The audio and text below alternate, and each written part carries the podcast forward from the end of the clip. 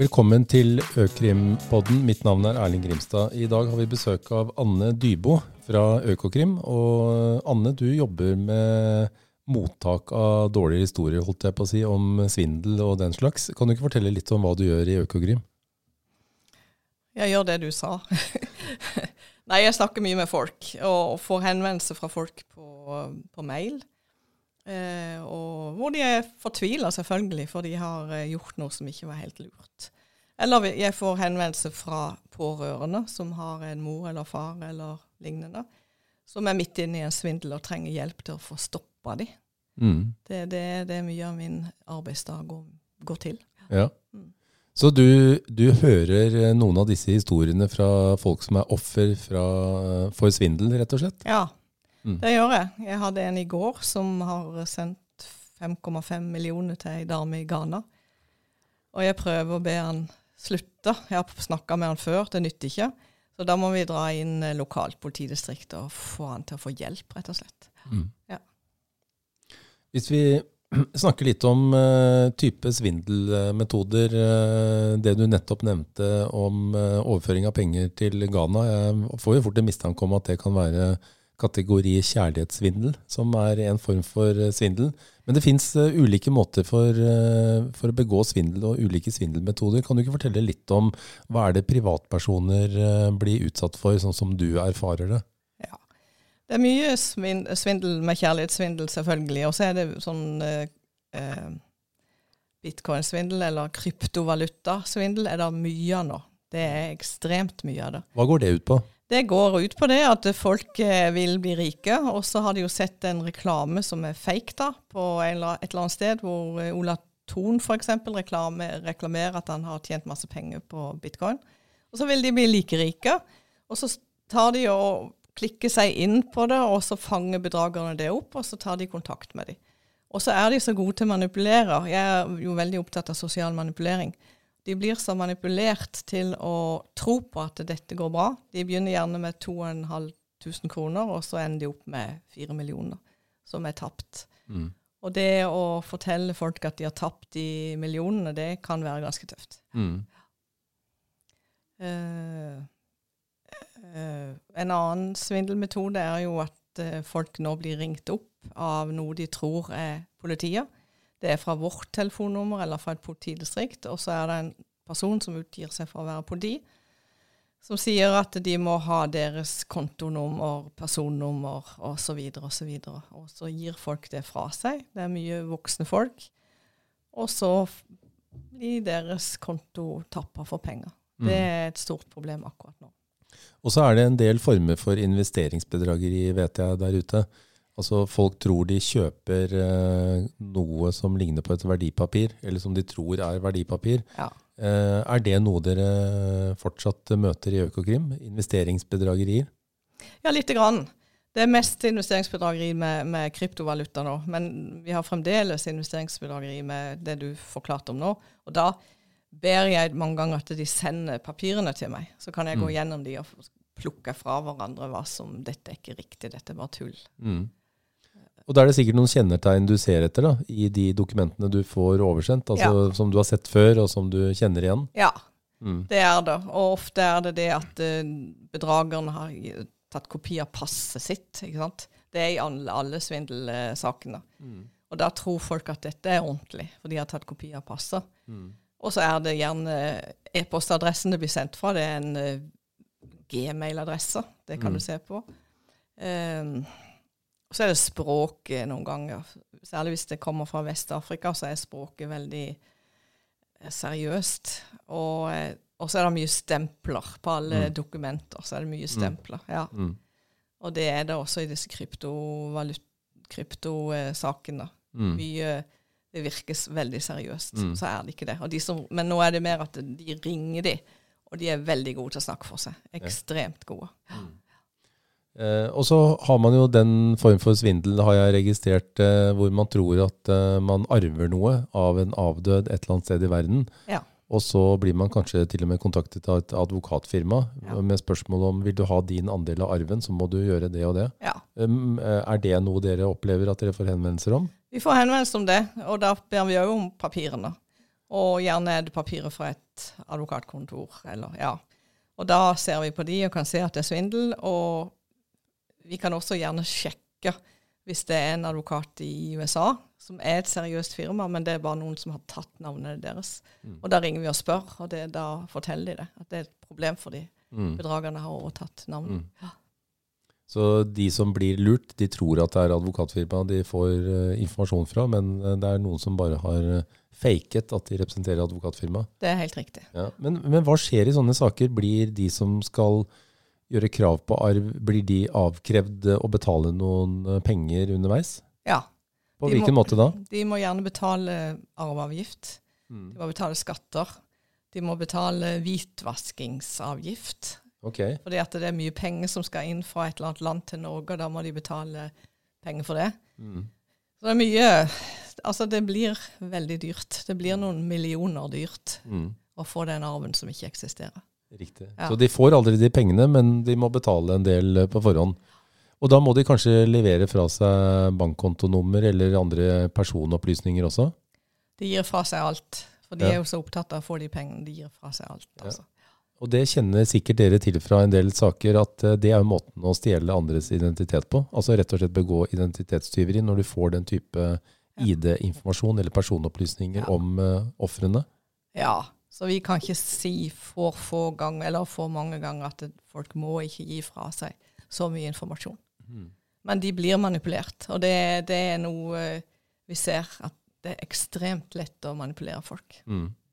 Dette med identitetstyveri, er det noe dere har noe inntrykk av øker eller reduseres i omfang? Det, det har vi lite uh, kunnskap om, for det er politidistriktene som får de anmeldelsene. Så det, så det vet jeg ikke. Mm. Så tenkte jeg vi, Nå har vi snakket litt om uh, privatpersoner. Vi glemte kanskje å forklare hva kjærlighetssvindel er. Kan du ikke bare kort beskrive hva er kjærlighetssvindel, som vi kalte det innledningsvis? Kjærlighetssvindel er hvis du er veldig ensom, og vi ser særlig i denne koronatida at det har vært mye ensomme mennesker. Og så får de gjerne en henvendelse på Facebook, eller Før var det jo match.com og sånne ting, men nå er det Facebook og andre steder. 'Hei, vil du være venn med meg?' Og så, hvis du vil være venn, så kommer det opp en historie om uh, Ja, det blir i hvert fall kjærlighet ut av det, mm. uten at jeg forstår det. Ja. Og, og, eh, så er det jo at stakkaren trenger penger for han er i Afghanistan og vil ut og trenger penger til å komme ut derifra. Eller så har han gjerne en koffert med penger som han skal ha hjelp til å få til Norge. For de skal alltid komme til Norge og, og gifte seg der. Og, og, eh, det er jo veldig fascinerende hvor eh, manipulerte folk er. Det er jo kvinner på 82 år som har fått en kjæreste på 40, uten forkleinelse for det, men jeg må bare si at hør her, jeg er ganske voksen selv. Jeg tror ikke en 40-åring vil flytte hjem til meg. Sånn er det. Mm. ja. Mm. Så eh, det er mye av det. Det er mye av det fremdeles. Og særlig i koronatida så klarte ikke pårørende å fange hva mor og far drev på med. Så de fikk lov å sitte der alene. Og det, etter hvert så merka de jo at de ble veldig fraværende. Mm. Og, og eh, hadde ikke tid til å snakke med dem, for de, de bedragerne ringer jo gjerne om natta. Og så begynte jo med det at de hadde ikke penger til de hadde ikke penger til gi bursdagspresang til barnebarna, for de gir fra seg alt. Ja. Mm. Ser du eksempler på folk som tar opp lån på huset sitt for, eksempel, for å betale til bedragerne? Det er mange som har måttet gå fra huset sitt og har måttet selge hytta si for det at de har sendt pengene til bedragere. Og det er flere som bor i, eh, på et rom hos en av barna sine og tar knekken på familielivet til barna. Så det er ganske eh, alvorlig, dette. Mm.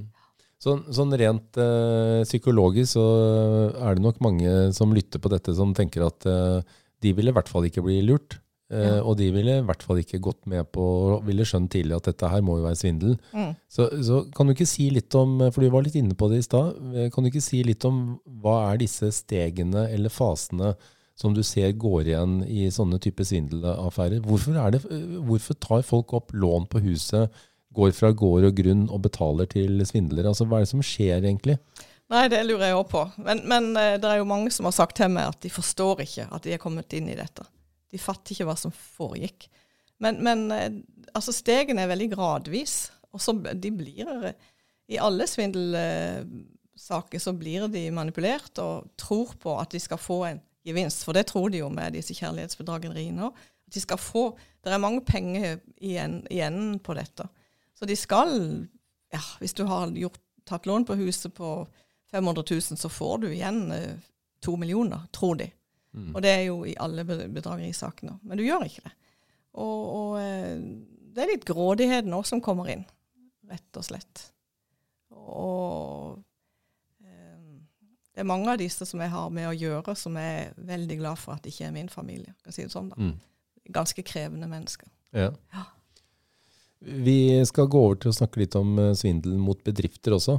For det, det, er et litt annet uh, tema, litt annen skål. Ja. En bedrift blir ikke utsatt for kjærlighetssvindel f.eks., vil jeg tro. Men uh, kan du si litt om hva, hva, er det som er typiske tilfeller av svindel eller svindelforsøk som dere ser bedrifter bli utsatt for? Ja, Vi hadde jo et tilfelle nå hvor en bedrift selv, uh, sendte fisk til Dubai og ikke får pengene sine. Vanskelig å finne ut hvem som står bak det. Eller så er det de CO-bedragerisakene som har vært lenge. Eh, større firmaer har jo skjønt at de må passe seg og følge godt med. Men så har du idrettslag, mindre organisasjoner, som ikke har eh, den samme defensen, altså. Og, og tror på det de, de hører. OK, sjefen min sier jeg skal sende så og så mye penger til Finland. Da gjør jeg det. Eh, og eh, samtidig som vi ser at også større bedrifter har vært utsatt for CO-bedrageri nå. Men da jo gjerne Da har jo gjerne eh, bedragerne fulgt med firmaet lenge.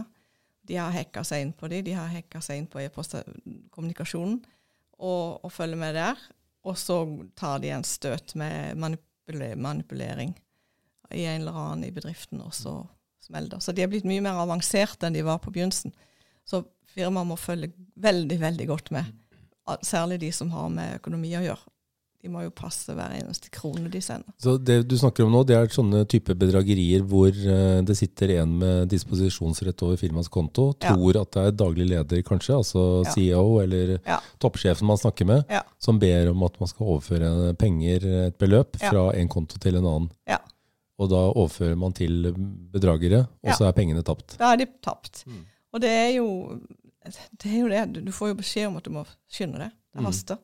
Mm. Mm. og vi har jo vært veldig opptatt av at bedrifter må ha et godt system på når de skal overføre penger. At det må i mm. hvert fall være to som, mm.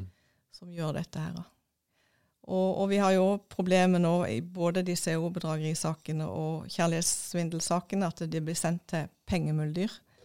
Dvs. Si en person som tar imot disse pengene for bedragerne og sende det videre. Det kan være et pengemuldyr i Norge eller et annet land. Og Hvis du da eh, får beskjed om å sende pengene til en norsk konto, så virker jo det veldig greit. Mm. Men de så sender jo eh, den pengemuldyret pengene videre. Mm. Og da er de vekk. Eh, og det å være pengemuldyr Det er ekstremt mange pengemuldyr nå. og de får faktisk ett år i fengsel hvis de blir tatt. Mm. Disse som er mellommenn eller pengemuldyr, som du kaller de, ja. får de noe betaling for å opptre som pengemuldyr? Har du noe inntrykk av det? Eh, av og til. Eh, og av og til ikke. Det, det, er veldig mange av de kvinnene som er utsatt for kjærlighetsbedrageri, som er pengemuldyr. Og de er jo bare forelska, så de, de, vil ikke ha noe penger for det. Mm. Nei. Så det er jo det er kanskje ikke alltid at pengebuldyret selv vet hva de er med på, Nei. eller uh, vet at dette handler om svindel. Nei. De mottar et beløp og sender det til de de får beskjed om å sende det til. Ja. Mm. Er, det, er, det, andre former for uh, svindelmetoder som, uh, som, du ser mot bedrifter? Du nevnte også idrettslag, organisasjoner som er utsatt for samme type svindler. og det er jo flere eksempler i media på f.eks. små idrettslag, korps, ja som har tapt uh, alt innestående på konto samlet opp gjennom dugnadsarbeid ja. på den type bedragerier. Ja. Pengene har forsvunnet. Ja. Er det andre former for uh, bedrageri, svindeltilfeller som du vil nevne, som dere ser uh, det er flere av? Ja, altså det, de utvikler seg jo hele tiden. Så det at da vi sitter her nå, så kommer det sikkert en ny metode. Så poenget er å følge godt med. Altså Hvis du er i en bedrift eller hvis du har eh, en mor eller far eller andre som kan være i faresonen, så følg med, altså. Ja. Da tenkte jeg vi skulle snakke litt om uh, forebygging. Du har så vidt vært inne på det, men uh, hva er dine tips om hvordan man beskytter seg mot svindel? Folk er jo veldig nysgjerrige. så det, det, er veldig fort å åpne en eller annen link du får. Og Det kan være ganske problematisk. Det kan ødelegge hele PC-en din. Også hvis du får et godt tilbud om at du skal tjene mye penger fort. Ikke gjør det, altså. Eh, hvis det er på, selv om det, du kan google de og se mange gode artikler om hvor mye du kan tjene på dette, så er det som regel fake. Eh, vær obs. Vær obs på alt du får. Vær obs på de som ønsker å være venn med deg på Facebook. Eh, jeg sier jo til alle at det er jo ikke nødvendig å være venn med noen du aldri har møtt. De må være klar over at bedragere er jo like gode som politiet de jobber jo akkurat som politiet gjør. Kartlegging. De kartlegger Hvis vi skal gå på bedrifter, da, så kartlegger de jo bedrifter. Hvis du går inn på hjemmesiden til en bedrift Før så fikk du sånne visittkort som de brukte. Men nå kan du bare gå inn på hjemmesiden til en bedrift, og der får du jo alt. Hvem som er leder, hvem som er økonomiansvarlig, og e-postadressen deres, og telefonnummeret. Vær litt forsiktig med å gi fra, fra deg for mye informasjon. Det gjelder både privatpersoner og, og bedrifter. Og tenk over hva du sjøl legger ut på Facebook, f.eks., av informasjon. Så det er flere måter man åpenbart kan beskytte seg selv ved å være litt forsiktig med å gi sine egne personopplysninger til enhver som spør om det, ja. eller legge det ut, som du sier. Ja. ja. Uh, det å gi fra seg informasjon, vi snakket litt om det, kan jo også lede til identitetstyveri. Har du inntrykk av at folk egentlig tenker over det? At uh, personopplysninger du gir fra deg, kan misbrukes i en annen sammenheng av noen helt andre i, i identitetstyverisammenheng? Noen gjør det. Eh, noen er jo veldig opptatt av det, men, men eh, mange er ikke. Eh, mange, særlig godt voksne folk, de, de skjønner ikke at det kan brukes som ID-tyveri. Mm. Men det er jo mye ID-tyveri. Det ser en jo altså på, på nettet. Altså hvis det handler på nettet, så kan jo plutselig jeg bli misbrukt. Mm. Ja, så man må være forsiktig. Mm. Da har vi vært gjennom noen eh, svindelmetoder både som privatpersoner og bedrifter blir utsatt for, og du har også delt noen tanker om forebyggende tiltak. Så Anne Dybo, Økokrim, tusen takk for at du stilte opp i Økrimpodden. Takk for at jeg fikk komme.